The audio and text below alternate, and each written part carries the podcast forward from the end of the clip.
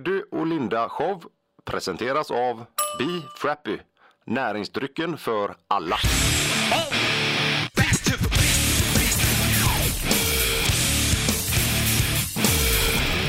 Varmt välkomna Pirate Rock, Eddie och Linda show. Och, eh, Vi är i Stockholm. Vi är i Stockholm. Ja.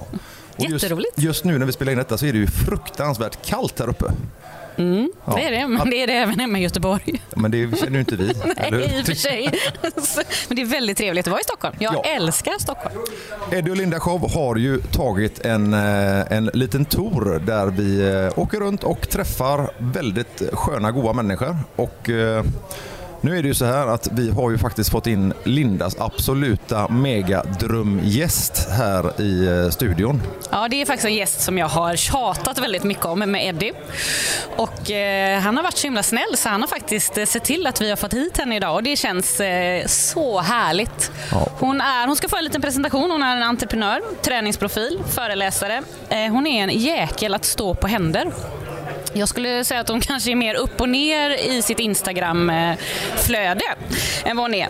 Men eh, ändå känns det som att hon har en person som har båda fötterna på jorden för hon känns väldigt trygg samtidigt trots att jag har blåst otroligt kring henne. Och det är väl det som jag faller mycket för att hon är så stark och hon, jag får så mycket inspiration utav henne.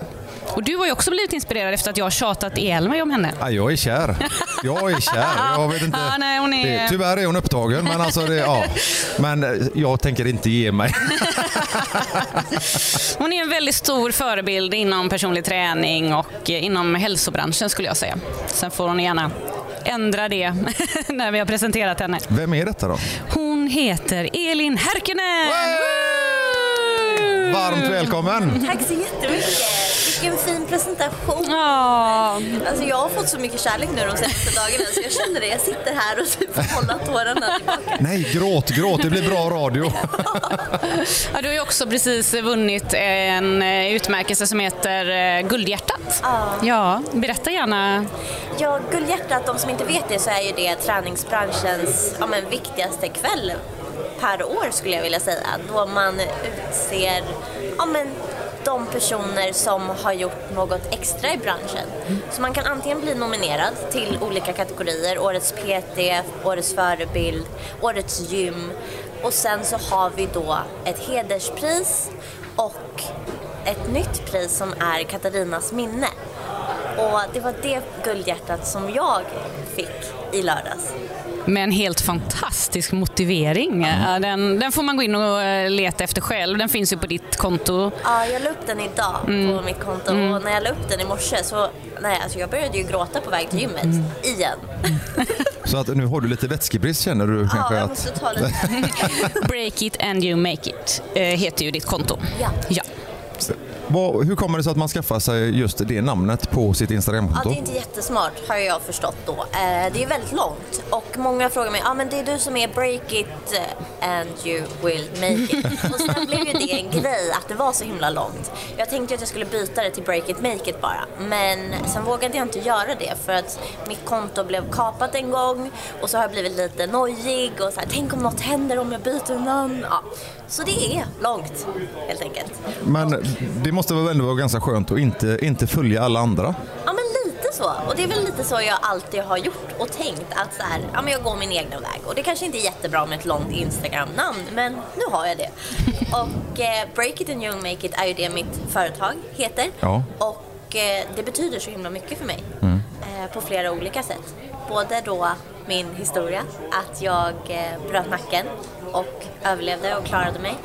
Men sen är det ju också det att jag jobbar ju som personlig tränare och med människor och jag tror att alla har någonting som de skulle behöva bryta eller förändra i sitt liv för att nå någonting ännu bättre. Och det är också en av liksom, ja men, vad namnet står för. Men om vi börjar lite tidigare. Hur var din uppväxt? Var kommer du ifrån från början? Ja, jag är uppväxt utanför Uppsala. I en liten, liten, liten håla. och eh, där kände jag mig väldigt annorlunda. För att jag var redan då väldigt sprallig och glad och ville se världen och hade drömmar väldigt tidigt att jag skulle bli världsmästare och ja, men skapa mig en karriär. och det var inte riktigt jätteuppskattat. Och man fick ofta höra så här, men vem tror du att du är? Ja men det här jantelaget liksom. Mm, Okej. Ehm, men jag kände ändå att så här, ja, men jag är jag och jag tänker följa mina drömmar. Sen behöver kanske inte alla förstå det, men jag känner det inom mig.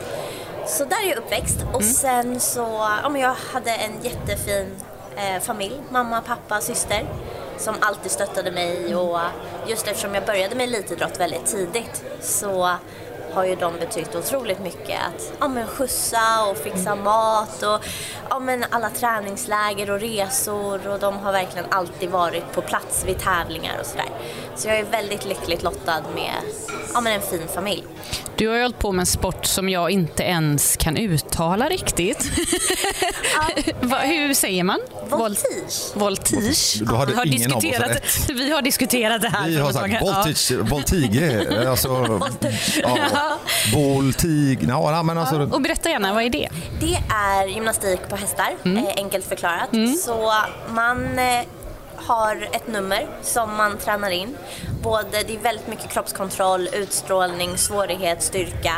Och så gör man sitt nummer då på en häst som springer. Eh, det är väldigt mycket så här show för man har dräkt och musik och smink. Och, så det är väldigt ja, men artistiskt.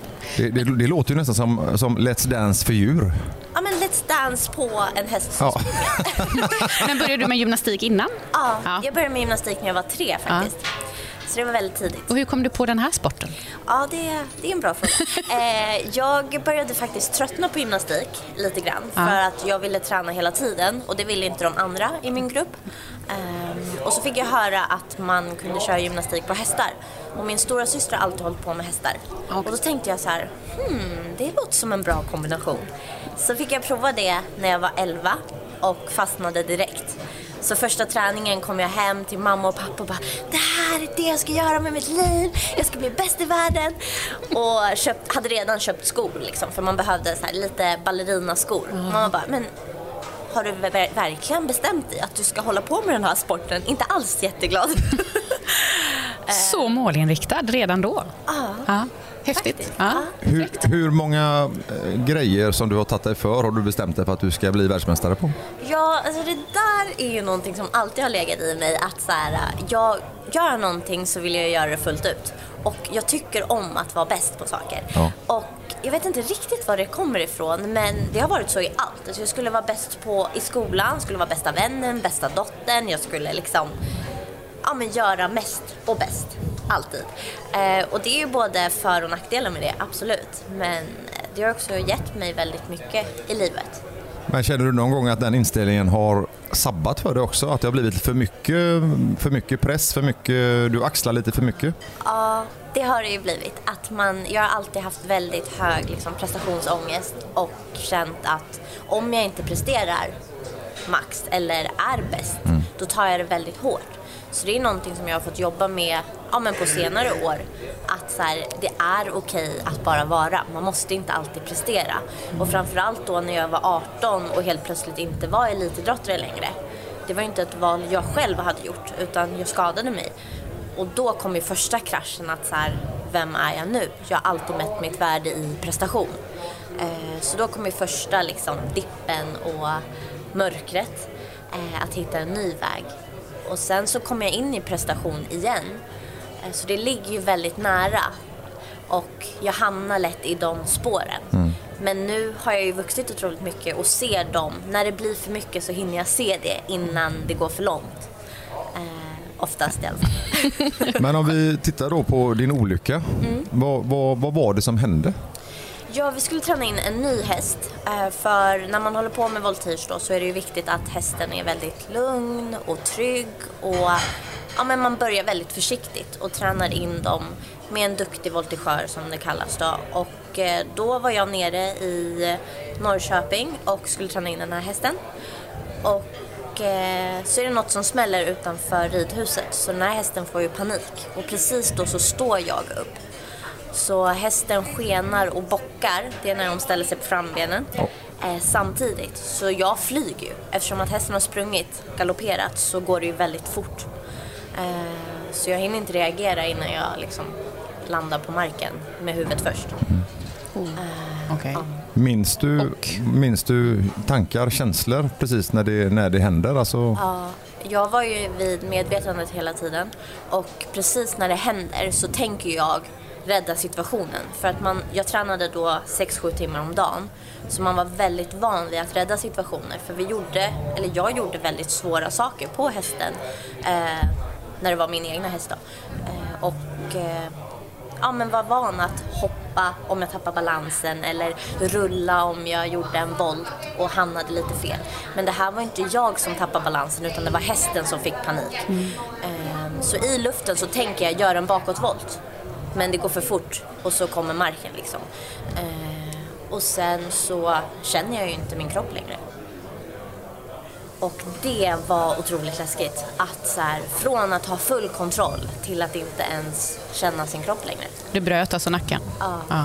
Så jag brukar säga, försöka förklara, men det var som att huvudet låg bredvid kroppen.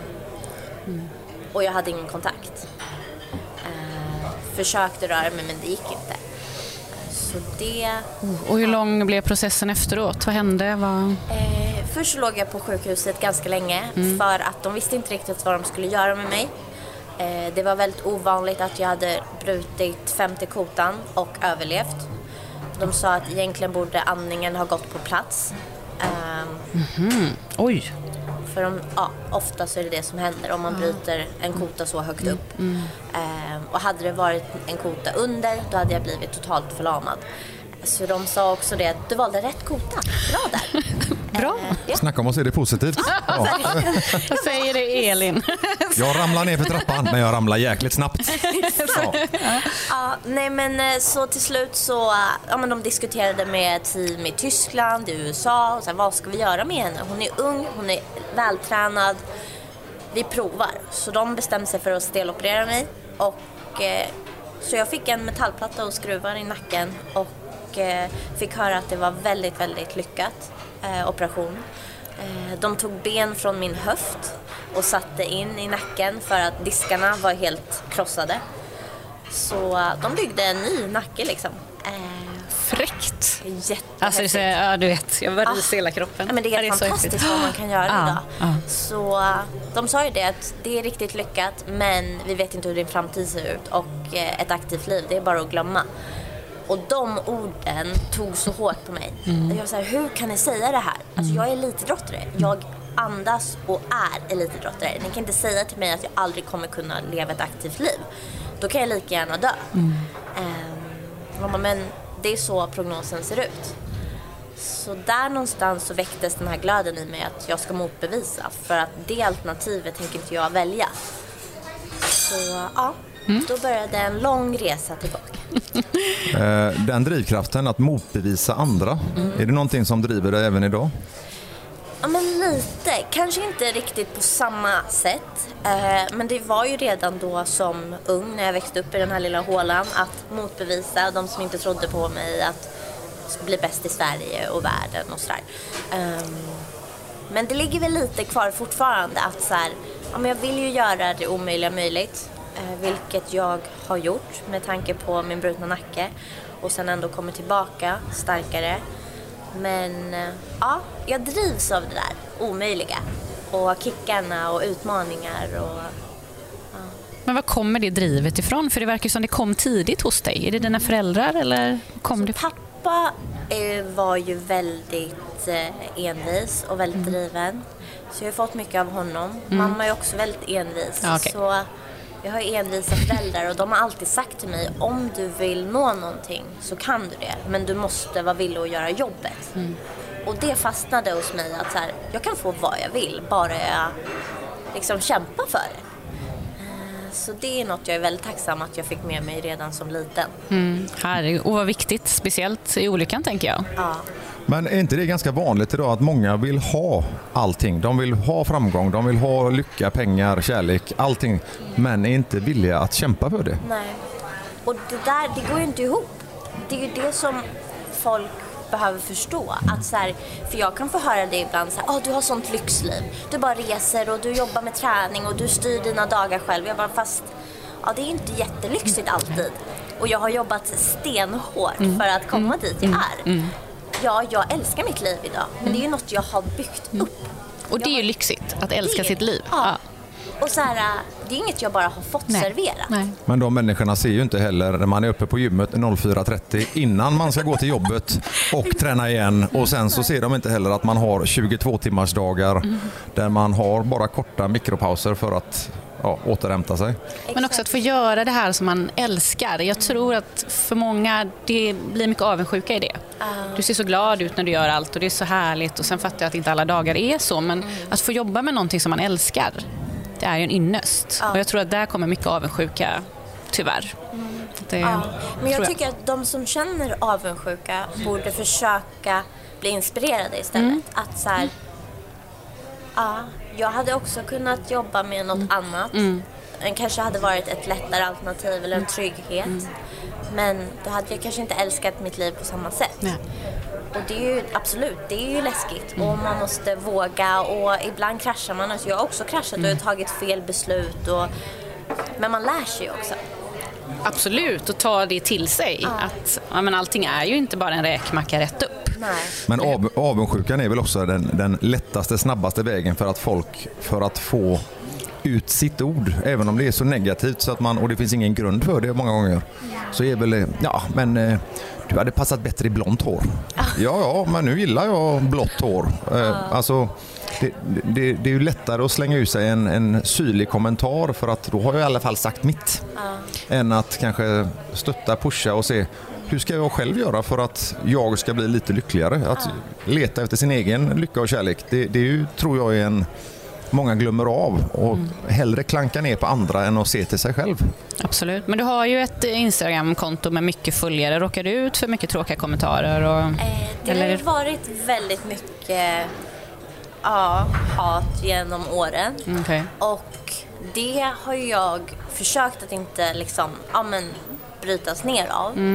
Jag brukar vara väldigt duktig på att känna så att det är, det är synd. Alltså jag blir så ledsen att människor mår så dåligt att de måste trycka ner andra för att komma ner till den nivån. Liksom.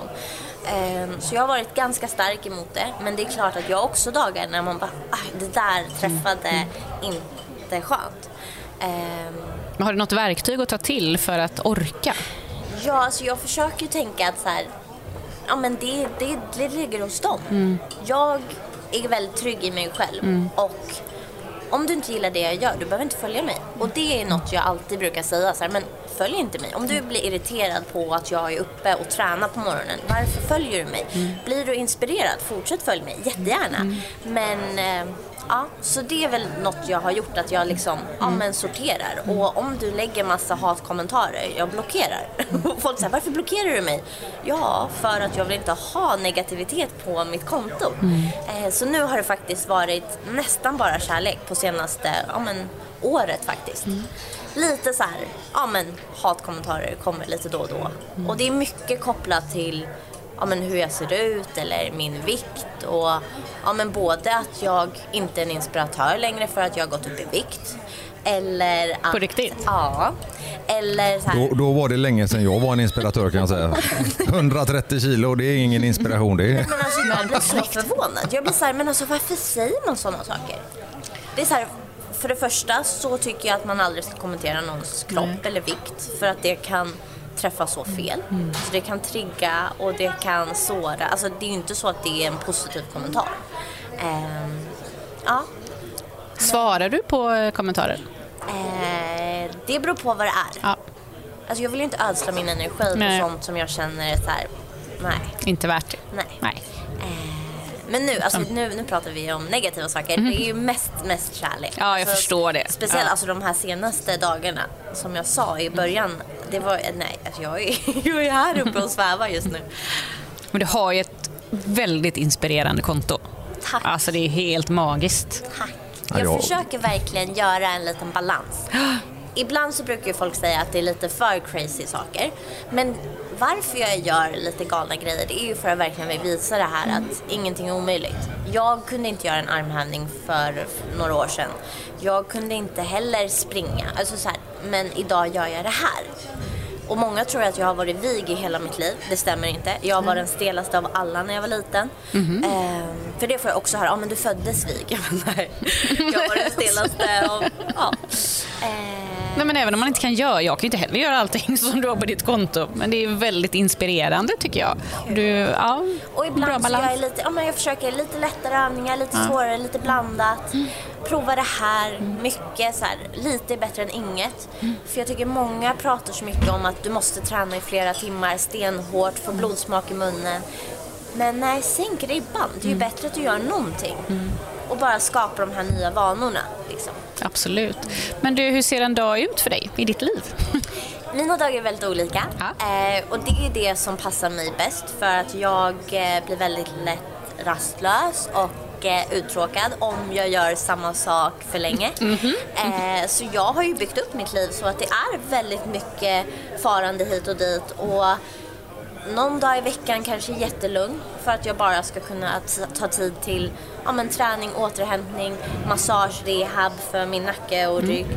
Ehm, och vissa dagar, ja, men som idag, nu har jag varit borta i två veckor och har hur mycket som helst. Men jag tycker om det. Idag är en sån dag. Och sen imorgon lite lugnare och sen blir onsdag fullspäckat. Så det är oftast att jag går upp tidigt, yogar, ehm, tränar, äter frukost, svarar på mail, springer iväg på något möte eller något... Eh, Någon radiointervju? någon radio. Ja. Sen har jag ju PT-kunder, gruppträningar, Instagram, bloggen. Ja men det är väldigt varierande. Hur ser din typiska klient ut som du tränar? Jag har ingen typisk klient och det är det som jag älskar med mitt jobb som tränare, att jag har sån stor variation. Att allt från någon som aldrig har varit på ett gym till någon som är elitidrottare och ska tävla liksom. Ehm, någon som är fem år och vill få bättre kroppskontroll eller någon som är 75 och har en dröm om att stå på händer. Så att det är verkligen högt och lågt och eh, det gör ju att jag utvecklas som tränare och jag får ta del av många människors ja, men perspektiv på livet och resor. Och... Vad, finns, det, finns det någon klient till dig som någon gång har fastnat lite extra i hjärtat för att deras utveckling har blivit så positiv? Ja, alltså jag älskar ju att se människors utveckling och det är ju därför som det här jobbet är det bästa. Eh, Men en historia är ju hon 75 år när jag bodde i Australien.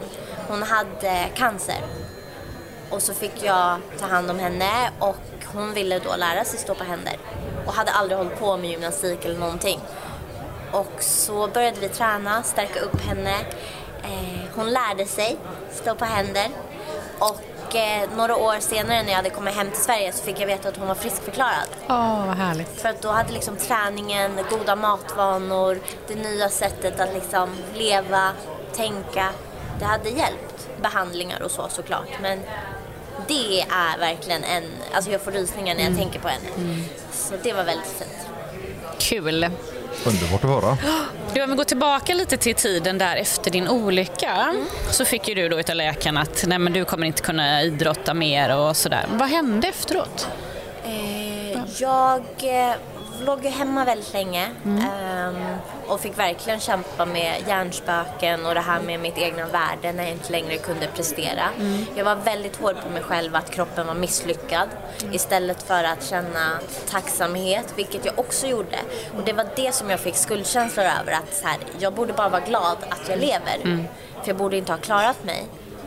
Men jag mår så dåligt över att det liv jag hade innan inte finns kvar.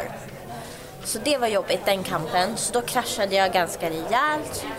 Var du tvungen att vara stilla då? Ja, Så jag låg ner i flera månader Okej. och stirrade upp i taket liksom, med nackkrage och...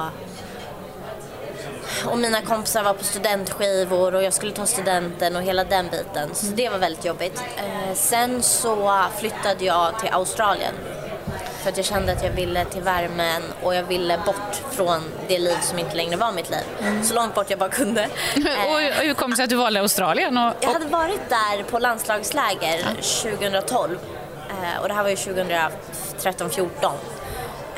Så jag flyttade dit för jag kände så starkt för det landet och de människorna och värmen och Ja, men- Själv då? Ja, Ja. jag ville bara fly. Ja. Det var ju ett sätt för mig att liksom komma bort. Eh, Så var jag där och jobbade som tränare för deras landslag. Okej. Och det var ju, tänkte jag, jättebra idé. Jag kan ju inte träna själv, så jag kan träna andra.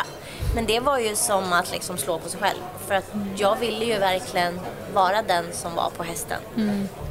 Så det var för tidigt. Tätt in på olyckan liksom. Jag hade inte bearbetat sorgen av att inte vara elitidrottare längre.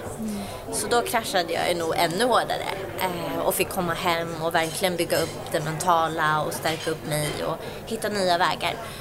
Så det tog något år till. Ja, men jag brukar säga att det tog två år ungefär innan jag var människa igen och med rehab och hela den biten. Och sen flyttade jag tillbaka till Australien en andra gång och eh, utbildade mig till personlig tränare och hälsocoach och ja, men jobbade väldigt mycket med det mentala och just hjärnan har sån påverkan på oss att det är helt makalöst. Ja. Men Sen vet jag att du börjar med en annan sport. Ja. Ja. Det var också väldigt spontant och just det här med att säga ja och vara nyfiken. Så då kom jag hem från eh, mina nästan två år i Australien och så ringer en kompis mig. Jag har sagt det här i flera poddar så om någon har hört det så kan ni skratta här med mig. Eh, nej men eh, så ringer han mig och bara du, du ska tävla på lördag. Och jag säger men jag har inte tävlat på fyra år liksom. Nej men du är bra på att ta dig förbi hinder och motgångar och så här. Så det här är en sport som passar dig perfekt. Vad ska jag göra? Han bara, men du vet typ Ninja Warrior? Det här programmet som har gått på TV. Ja men det är typ så, du ska springa och ta dig förbi hinder. Okej, ja men jag har sett det här tror jag. Eh, så var jag med på den här tävlingen som heter OCR, Obstacle Course Racing. Och eh, vinner min första tävling. Och eh, en grej som han inte hade berättat var ju att det här var en elitbiljett, en elitplats. Så han har anmält mig i elitklassen. Och du går och vinner den. Ja, och det var ett direkt kval till Europamästerskapen två månader senare. Och man kan inte skylla på nybörjartur helt enkelt. Nej, men herregud, hur lyckas du? Hur hade din träning sett ut? eh? Nej, alltså jag hade bara tränat så, ja men hel, hela kroppen. Ja, okej. Alltså allsidigt. För då hade jag bott i Australien i nästan två år. Jag hade haft värme, jag hade haft bra liksom, rutiner, vanor, gått upp, tränade typ två pass om dagen. Eh, för att vi gjorde det i utbildningen. Eh, för att prova på allt möjligt. Så jag var väldigt all around. Och sen är har jag ju ett pannben så att kom det ett hinder så var det ju bara att ta sig förbi. Det fanns ju inget annat. Det är det här jag älskar med Elin. Hennes pannben. Alltså. Ja, nej men det är jag väldigt tacksam för att jag har. För att många som jag då tävlade mot, jag kunde ju se hur de stod där och svor och bara nej det går inte, det är omöjligt. Och jag kom fram till hindret och bara det är klart jag kommer komma förbi. Och nästan visualiserade och såg hur jag tog mig förbi. Ehm, så det är något som jag verkligen har som en styrka. Och då kände jag att jag kanske måste åka på EM. Jag har ju alltid velat liksom tävla igen. Och att få vara på ett Europamästerskap, representera Sverige igen. Alltså det, det, sa ju, det var ju helt omöjligt. Så då åkte jag faktiskt. Och det gick ju bra. Hur bra då? Så bra att jag kom först i mål även där. Och blev då Europamästare 2017 i Holland. Och alla var så förvånade. Ja, men jag var ju mest förvånad. Men alla var ju så här, vem är hon? Och folk var ju så arga för de hade ju tränat i flera år och kämpat för det här. Och så kommer jag, inga sponsorer, helt anonym. Glad sprallig tjej som bara springer och har superkul. För att jag var så tacksam. Jag var så tacksam att jag kunde springa igen. Jag var på ett mästerskap. Och jag märkte inte de andra deltagarna. Det är också väldigt roligt att när man var ute och sprang, vi höll ju på ett tag och det var typ 50 hinder på den där 3-5 kilometers banan. Och jag såg ingen, för jag trodde att jag var sist. Så det är också en ganska rolig del av den här historien att jag tänkte jag, jag kör mitt race, de andra har ju sprungit ifrån mig för länge sedan. Men det var ju jag som hade sprungit ifrån dem. Eh, ja, jag- Säger hon jag- väldigt ödmjukt Ja, också. jag fick upp en bild så här i huvudet med tanke på Elins positivitet och så här så att du skulle säkert liksom kunna springa jämte och bara “Tjena, vad, hur, hur är det med dig idag då?” och så, här, ja, du, vi- Det kom ett hinder där borta, vad, tro, vad tror du om det? Alltså li- nästan springa och småtjata med någon. Nej men jag brukar i alla fall, det var något som jag ofta fick höra att så här, om att jag var så peppande. För att när jag kom till ett hinder och någon kanske hade fastnat där, då sa ju jag alltid kom igen, kom igen, du fixar det här. För att jag vet inte, det ligger i min natur att peppa andra och det är väl också för att jag jobbar som tränare men jag vill ju det bästa för andra. Även mina konkurrenter. Det är ju inte kul att vinna för att någon annan har misslyckats. Man vill ju vinna för att alla har gjort sitt bästa och ändå är man lite bättre. Det är det som jag tycker är det häftiga. Nej, jag, skit, jag, jag skiter i det. Om de Nej. gör en dålig dag, det, vinner jag så vinner Nej, jag. jag tror inte alls att alla tänker som dig Elin faktiskt. Men det är väldigt fint. Jättefint. Tror jag. Också mår man kanske lite bättre själv då. Mm, tror jag. Men- Har du, fortsätter du med OCR sen? Jag gjorde det ett år eh, till och eh, upprepade den här fantastiska eh, vinsten. Eh, så jag vann EM året efter också. Okej. Eh, men sen kom skadorna, eller egentligen så kom de lite innan eh, EM nummer två. Eh, så jag fick muskelbristning i ena armen eh, och kände att ska jag verkligen hålla på med elitidrott? Det kräver så mycket. Jag hade precis startat mina, alltså mitt andra företag och kände så här, det kanske är dags att liksom ta hand om kroppen nu och inte köra slut på den. För att de sa ju också det att absolut, du kan fortsätta träna men du kommer få så mycket ondare sen om du kör för hårt. Och någonstans så ska man väl tänka att man vill leva ett långt liv och kanske inte ha jätte, jätteont i kroppen. Så då tog jag väl det mogna bes- beslutet att ja, men pausa, fokusera på att må bra. För elitidrott, det vet ju du, det är ju inte jättehälsosamt va? Eh, inte någonstans faktiskt. Exakt. Nej. Men för att, det, det är lite så här, och det, det har vi också pratat om väldigt mycket Linda, att för att lyckas som elitidrottare så måste man ha några skruvar lösa. Ja, det tror jag. Ja, inte dina i nacken då kanske. Men, men, nej. Nej, Nej. Men, men att man, man, man kan inte vara som alla andra. Man måste, och där tror jag är en jätteviktig grej, att man måste våga gå sin egen väg. Följa strömmen och göra precis som alla andra. Då får man samma resultat som alla andra. Exakt. Går man sin egen väg, ja, då kan det också bli ett annat resultat. Bättre eller sämre, men man har ändå gått sin egen väg. Exakt. Och det här att andra behöver inte förstå sina egna drömmar. För det, jag har ju hört det massa gånger av kompisar eller familj som är såhär, nej men nu räcker det. Varför ska, du, varför ska du träna så här mycket? Det är inte bra. Men om man känner själv att man tror på någonting, då ska man ju våga följa det, tycker jag. Eh, och det har jag ju gjort nästan alltid. Eh, ja. Är du, är du någonsin astrött på träningen? Att du bara känner, nej, ja, nu vill jag inte. Nej, jag, ehm, jag skulle väl mer säga att ibland kan jag vara så här, oh, varför måste jag ha ont i kroppen och måste gå upp på morgonen och röra på mig?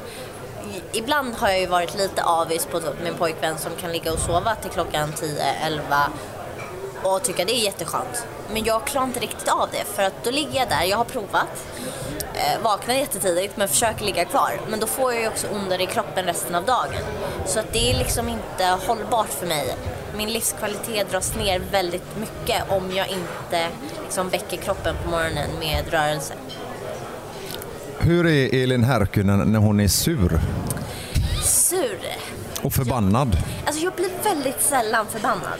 Jag blir ju det ja, men om människor säger något elakt. Alltså om någon är elak mot mig eller mot någon jag älskar. Det, nej då blir jag förbannad. Men hur blir jag? Alltså arg blir jag nästan aldrig. Men Har du kastat tallrikar och sånt? nej, Koppar, glas? nej, men jag har slagit i väggen. Speciellt, ja, jo men typ om jag blir skadad eller något. Då kan jag bara, mm. Och så slår man i väggen så jag blir, gör det ännu ondare. Men ja, Hur många gånger har du gipsat om väggarna hemma? det har aldrig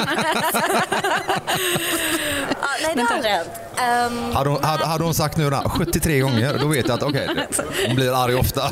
nej, men typ skrika i kudden, det är också jätteskönt. Ja. Mm. Om man är... Brukar du skrika i kudden? Eh, Ja, men det kan jag göra. Ja. Eller i typ eh, tvättstugan eller något sånt där. Mm. Typ när du retar mig så kan jag behöva gå in där. Ofta då alltså? Ja, det är ganska ofta faktiskt. Ja, jo, det har hänt. Men du, sen gjorde du en annan eh, helt tokig grej. Du hoppade på en tv-produktion. Ja. ja. Elitstyrkans hemlighet. Ja, Ja. så gick det med att inte pressa kroppen till max. Ja. Hur, hur kommer det sig att man hoppa på en sak som är bland det brutalaste tv-programmet som har gjorts någonsin. Visste du det?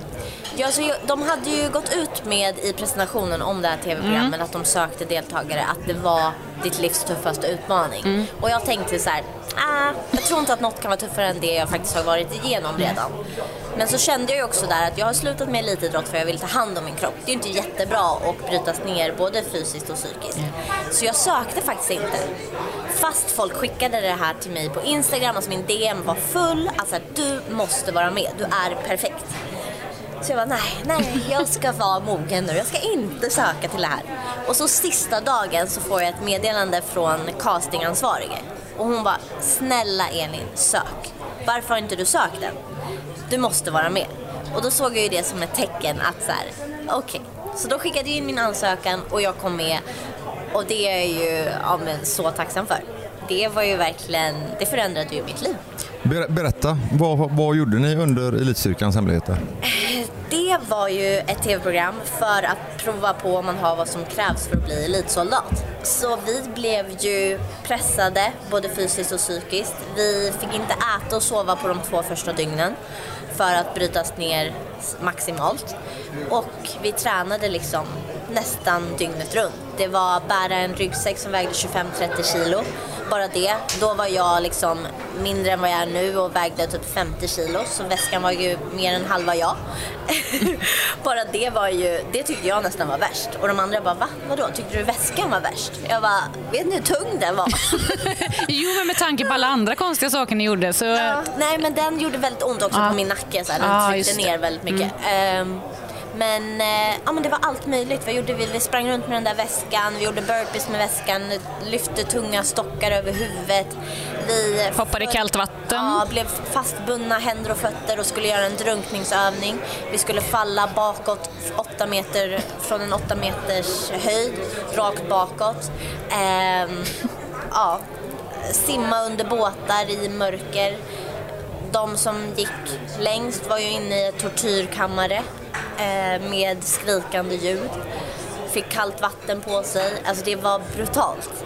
Eh, jag eh, skadade ju mig tyvärr halvvägs och hamnade på akuten och fick inte fortsätta.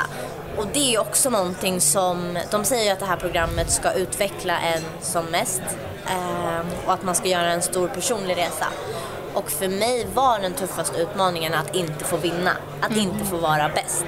För jag hade ju gått in med inställningen att vinna, som vanligt. Liksom. Att jag ska göra mitt absolut bästa. Och nu fick jag inte göra det för att jag skadade mig.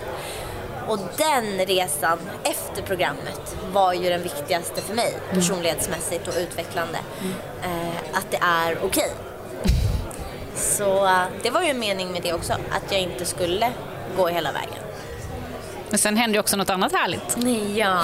ja. Jag träffade ju min eh, pojkvän, eh, eller idag är han min pojkvän, eh, i programmet. Och eh, det är också en jätterolig historia att vi träffas i det mest brutala och eh, Oromantiska. Ja, alltså man var ju så äcklig och hade liksom, nej man såg ju hemsk ut. Vi hade liksom ett ombyte eh, på de där dagarna, ett par underkläder. Man var inte jätte, jätte ja, fräsch och trevlig liksom. Men, men det är ju bra för då har man ju sett varandras sämsta sidor direkt. Exakt. Vi liksom hade ju inga liksom, filter. Så att eh, där klickade ju vi på, ja men, ja men vissa människor klickar man ju med. Så det gjorde vi där och sen så var det ju efter programmet, när det var över, som vi verkligen hittade varandra och började umgås nästan varje dag. Och i början var ju vi såhär, nej men vi är bästa vänner. Jag tränade honom, han är proffsboxare, så jag hjälpte honom med rörlighet och träning och han började köra lite boxning med mig. Och sen så märkte vi att det var mer en vänskap. Ja, Kan han stå på händer idag? ja det kan han! Oh, Ja. vi, vi, Såklart. vi får anmäla oss till en kurs här till... Jag har redan gått en kurs. Ja, jag har gått en handstående kurs, en onlinekurs. Ja, jag har gått. Jajamän. Vad kul! Ja. Så tänkte vi att Eddie skulle göra nu. Ja, såklart. Alltså hon skickar på mig allt möjligt. Jag ska få yoga och jag ska stå på händer. Alltså det här är... Ja, ja. Det kommer bli jättebra. Nästa gång du har, eh, om du har någon på gång nu så ska vi hoppa på. Ja, det är klart. Ja, Men jag jag. har ju onlinekurser som man kan hoppa på när ja, som helst. precis. Mm. Då kan du ha mig som exempel. Så här ska man inte göra. Jo, men målet är att du ska upp. Exakt. Ja, ja men det är klart att Du vi ska. Det, det, vi löser Det det när vi kommer hem sen. Du har ju pannben. ja, precis. Ja, Det är halva grejen. Liksom. När vi nu är inne på tv-program. Ja. Vad är det drömmen? Vilket tv-program skulle du helst av allt bara säga? Det vill vi jag göra. det har vi redan nämnt. Ja, men alltså Ja. om du känner att det om vi säger topp tre. Let's Dance. Jag är ju som ni sa Let's Dance på hästar. Men jag kan absolut inte dansa. Alltså på marken. Nej, nej. Alltså, och tänk ha klackar och dansa. Men det är en dröm sedan jag var liten. Jag sa till och med när jag var 10, när Let's Dance var första gången, 2004. Då så sa jag till mamma, jag ska bli kändis så att jag får vara med i Let's Dance. så det är verkligen en dröm. Men eh, sen så skulle jag ju också vilja vara med i Robinson. Eh, men nu, alltså jag skulle ju också vilja bli programledare. Så att jag är lite så här, ja, För något speciellt program? ja men Robinson hade varit kul. Eller Wild Kids. Ja. Eh, det skulle också vara väldigt roligt. Eh, för jag älskar ju att jobba med barn. Jag har ju varit gymnastikledare sedan jag var liten liksom. Eh, så det är också något jag brinner för. Inte Lyxfällan då? Nej, jag tror jag undviker den. Nej, jag tycker jag har ganska bra koll ändå. Ja, vad roligt. Du, eh, nu har vi pratat om en motgång i ditt liv, men du har ju haft fler motgångar i ditt liv. Du hade ju förlusten av din pappa. Mm, det har vi gemensamt. Jag har också förlorat min pappa. Ja, och, jag, och dessutom eh, tuff period med en pojkvän samtidigt nästan, var det väl, i ditt Ja, liv? några månader senare. Ja, hur tog du ur det? Var en smäll till i ditt liv. Ja, jag var ju fortfarande i chock och i ett mörker efter att pappa hade gått bort så hastigt. Liksom. Vi hann ju inte förbereda oss för det. Ehm, så jag var fortfarande i det mörkret när jag då blev sviken av min dåvarande pojkvän. Och det var som att, nej men jag var så här, är det någon som skämtar med mig? På riktigt, händer det här nu? Jag är redan så långt ner på botten man kan vara. Eh, och det var väl också något som hjälpte mig för att jag hade varit med om något ännu värre precis. Så, och min brutna nacke. Så att det här var ju bara ännu en motgång som, inte, som var hemsk. Men den var ju inte ens i närheten av det jag redan har varit med om. Så på något sätt så kunde jag jämföra dem. Du kunde det? Hur sjukt den låter Åh, så var jag så här, det här är ingenting egentligen. Det var hemskt, men jag kommer ta mig igenom det. För jag har tagit mig igenom värre saker. Sen tror jag också att det var lite av en skyddsmekanism som kickade in att så här, jag skulle orka. För jag orkade inte ta till en till motgång just då. Eh, så jag var väl lite i förnekelse ett tag. Men sen kom det ju ikapp mig och nu det senaste året har faktiskt varit ett av de mest jobbiga för att bearbeta allting. Okej. Eh, Så det tog några år att det skulle komma ikapp mig men eh, nu känner jag att jag har gjort ett väldigt grovt jobb det här året med att liksom lämna det bakom mig och fått avslut och nej, det har varit Vad, väldigt... vad gör du? Prat, går du och pratar med någon eller vad gör du för att ta dig igenom det här? Liksom? Eh, Ja, nu senaste året så var tanken att jag skulle skriva klart min bok. Och det tänkte jag, det är jättebra. Jättebra terapi liksom. Men det var ju då jag också verkligen eh, fick upp det till ytan. Alla saker som jag har typ begravt och lagt bakom mig. Så det var väldigt jobbigt. Men då samtidigt så började jag gå i terapi igen. Och det har ju hjälpt mig jättemycket att liksom våga möta de sakerna som man har lagt locket på. Och ja, det är skitjobbigt men det är något jag verkligen uppmuntrar alla till att så här, våga prata om det jobbiga. För att det kommer komma ikapp en till slut. Ja, tufft. Det här som inspirerar mig så mycket, att du tar dig ur det hela tiden med en sån eh, kraft på något sätt. Ja, jag Jag tycker... tänker att det blir ju så. Nej, det är skittufft där och då. Och det är dagar när jag bara, "Nej, alltså jag orkar inte mer. Jag har till och med varit så nära på att inte gå till mina samtal för att så här, jag orkar inte för att jag kommer vara helt förstörd efteråt. Sitta där och storlipa liksom. Men jag vet ju att jag behöver göra det för att jag ska kunna ta mig vidare och kunna bli en bättre version av mig själv. Hur klyschigt det än låter så vill jag ju bli den bästa jag kan vara. Och det är det här jag behöver göra. Så återigen så är det ju val. Ja, jag kan ta den lätta vägen eller så tar jag den tuffa vägen som kommer ge mig någonting ännu bättre. Men visst fick du en ny relation under tiden i Laila Bagge? I, under den här tuffa perioden? Ja. Eller att Ja. ni fann varandra då? Eller? Ja, Ja. det är ju också en rolig... Oh, alltså mitt liv har varit väldigt roligt faktiskt. Och det är härligt. Ja, Jag, jag har ingen aning om vad ni pratar om just nu. Så att jag, jag kan berätta. Ja, gör det är det. säkert fler som inte har hört det här. Men eh, precis när det blåste som mest då eh, och det var ju varje dag när jag vaknade så var det ju rubriker och mitt namn och saker som var falskt och saker som var påhittat och rykten och hit och dit. Så jag mådde inte jättebra och jag ville helst inte gå utanför dörren för det stod folk och, med kameror och journalister och hit och dit. Och då ringer en person mig och eh, det var ett dolt nummer. Och jag svarade ju egentligen inte på någon som ringde just under den perioden för att man visste inte vad det var eh, som ringde. Eh, men så kände jag bara att nej, men det här ska jag svara på. Vet inte varför, men jag gjorde det. Och då var det Laila som ringde. Och vi hade träffats en gång tidigare på något event men aldrig liksom pratat mer än det. Och så säger hon bara, jag förstår att du har det skittufft nu men jag vill att du ska veta att jag finns här. Och det träffade så rakt i hjärtat. Och jag bara, vilken fin människa. Och så valde jag ju där att lita på det. Vilket var jättesvårt. För jag var såhär, men hon kanske också är ute efter någonting. Men så kände jag ändå, nej, det här ska jag lita på. Och sen så skrev hon ett sms bara någon minut senare. Bara, du, får jag kidnappa dig nästa helg? Eh, ändå bra att få en förvarning. Så här. Ja. Nej, men så då kände jag att ja, ja gärna, för jag vill inte vara här just nu. Så då åkte vi iväg några timmar bort från Stockholm och bodde på ett jättefint hotell och bara kom bort från allt. Och där kom ju vi varandra väldigt nära och sen har den relationen bara ja, men vuxit och idag är hon en av mina absolut närmsta vänner och även om vi kanske inte ses jätteofta just nu för att båda har väldigt mycket jobb och saker som händer så vet vi att vi alltid finns där. Och man kan alltid ringa om det är någonting och sådär. Så det, det är så tacksamt. Men det är så fint och fler borde göra det. Att bara säga, jag finns här. Kan vi göra någonting? Ska vi bara... Ja, härligt. Du kan även be Laila att kidnappa mig om det skulle vara så. Jag, jag är öppen för det mesta. Ja, det är helt fantastiskt. Ja, härligt. Ja. Så många fina människor i mitt liv. Ja. Och det är härligt att lyfta det, för man kan ju också landa i allt det tråkiga. Men du är en sån härlig person med att du alltid säger, nej men jag all- har allt det här bra också. Och det är något som jag verkligen försöker prata om på mina sociala medier. Att så här, det är lätt att hamna i det mörka och att tänka på det negativa som jag... Tänka på att man har ont, tänka på att det är mörkt och kallt, det är liksom... Men, eller motgångar som kommer. Eller så tränar man hjärnan på att se det som faktiskt är bra. Och det är något vi kan träna upp. Det brukar jag också prata om att så här, men starta varje dag med att tänka på det som är bra i ditt liv.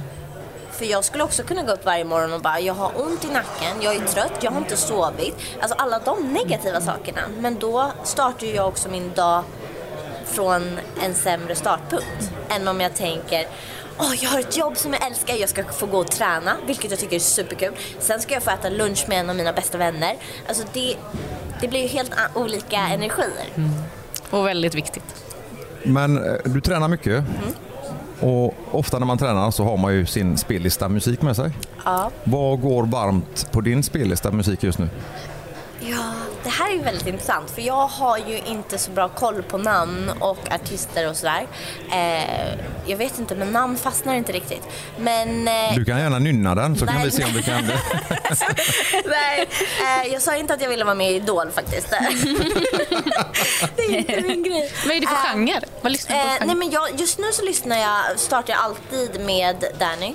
Eh, är det bara jag? Den låten är helt fantastisk. Så den brukar jag börja med när jag yogar. Eh, sen så har jag faktiskt eh, ja, men top hits på Spotify. Och det kan ju vara allt möjligt. Det är ju mycket Molly och Miriam Bryant och ja, nej men allt möjligt faktiskt. Härligt. Ska vi ta tio snabba? Det är dags för 10 snabba frågor. Här är det snabba frågor, snabba svar. Okej, så det första jag tänker på. Precis. Eh, ja. Och lyckas du med det så är du Nummer två för tvåa. För Ola. haft, Ola Forssmed hade fruktansvärt snabba svar. Okej, okej. Han svarade innan vi frågade till och med.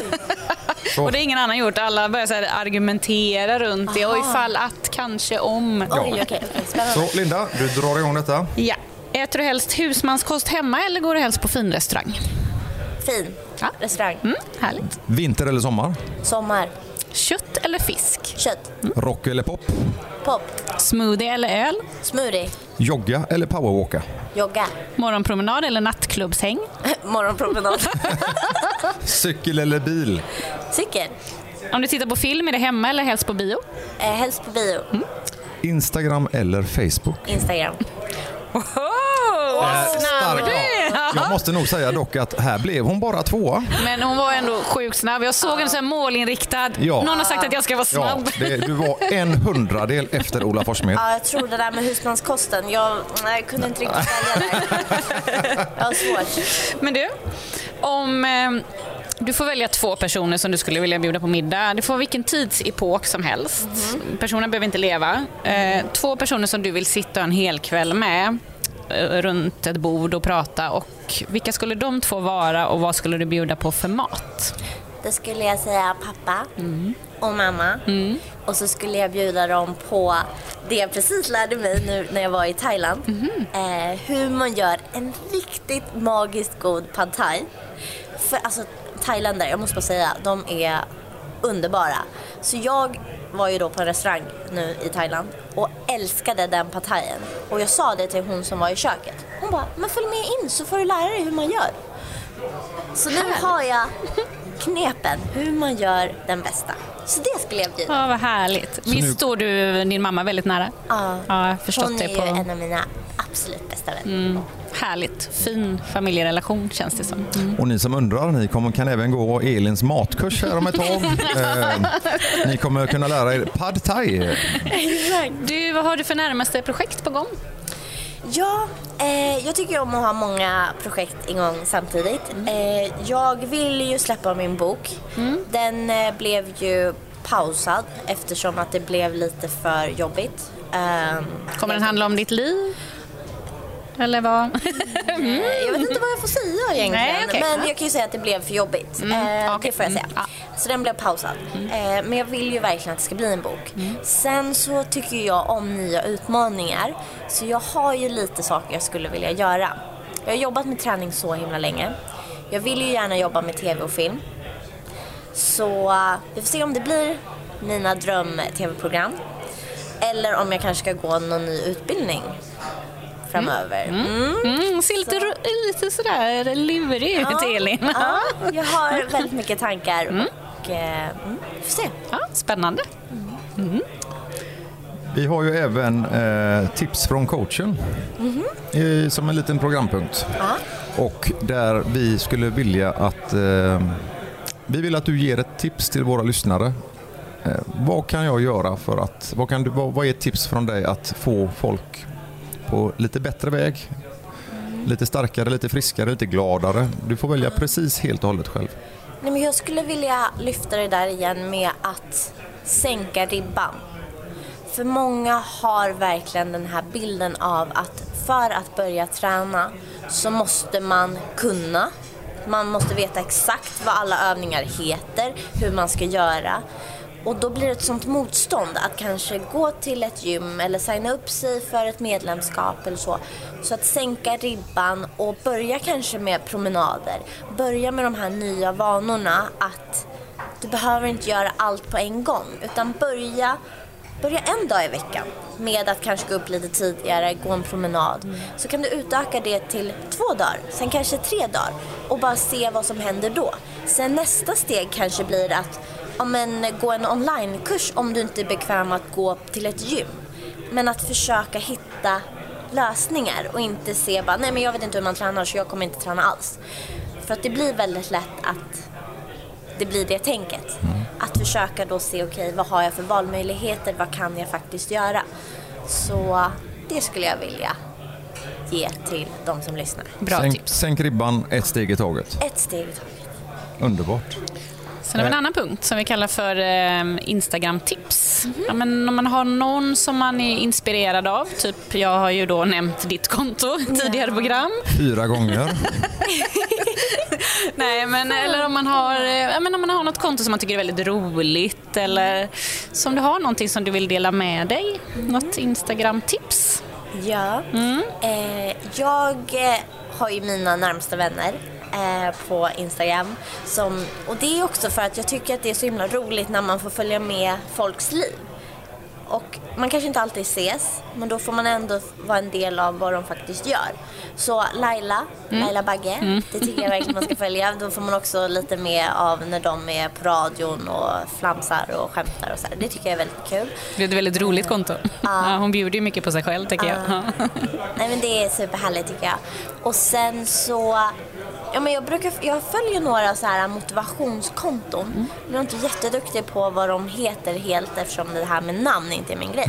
Men eh, om man bara söker på motivation så brukar det komma upp väldigt mycket bra och då kan man bara få upp lite sådana här, ja men citat som kan få en att tänka lite annorlunda. Och ibland kommer de precis när man behöver det som mest. Härligt, bra.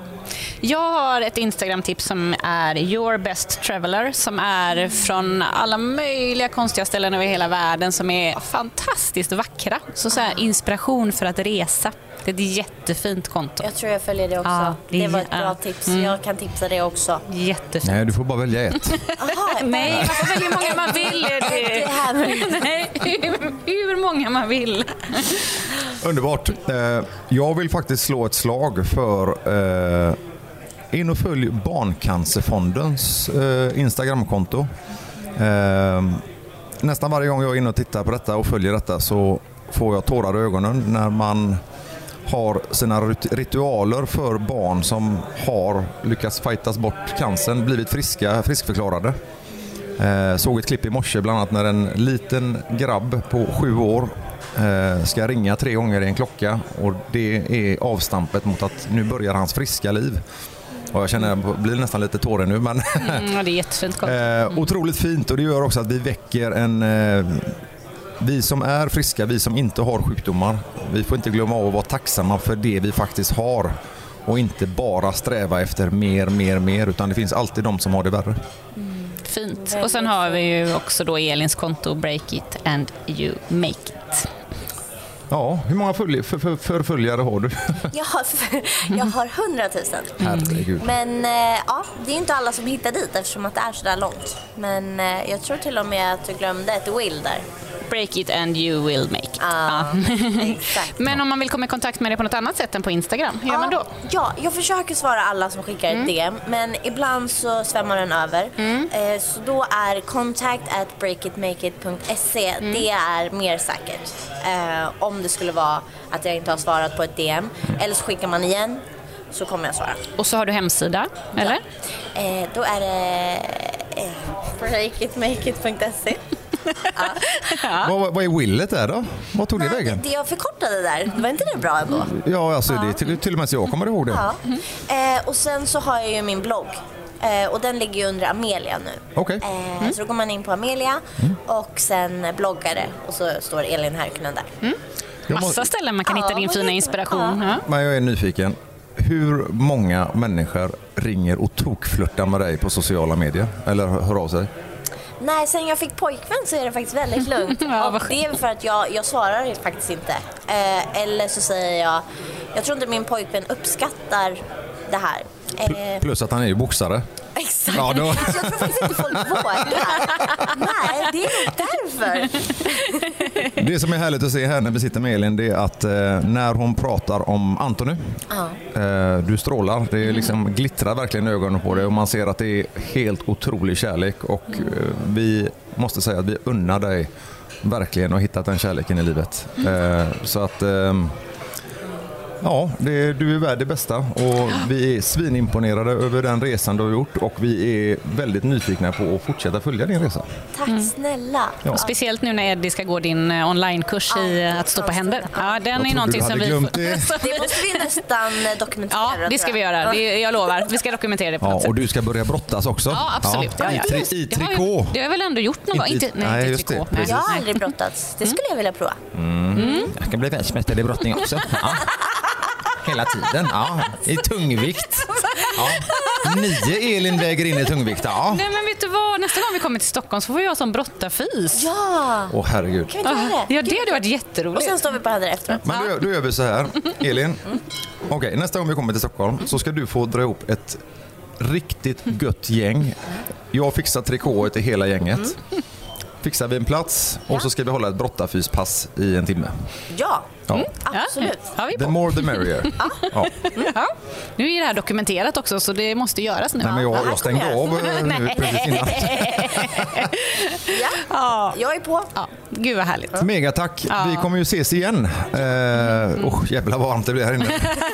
Eh, och som sagt, jättetack för att du ville komma. Ja, tack snälla Vi hörs snart igen. Ja, Och, eh, Vi är så tack- tacksamma. Ja, vi tackar er som har lyssnat. Eh, glöm inte Eddie och Linda Show. Vi finns även nu på Instagram, så där kan ni gå in och följa. Vi har, eh, vill ni fråga någonting, skicka ett mejl till Pirate Rock och eh, glöm inte, var rädda om varandra där ute. Hej då! Ha det gott, Hej då! Hej! Edu och Linda Show presenteras av Be Frappy. Näringsdrycken för alla.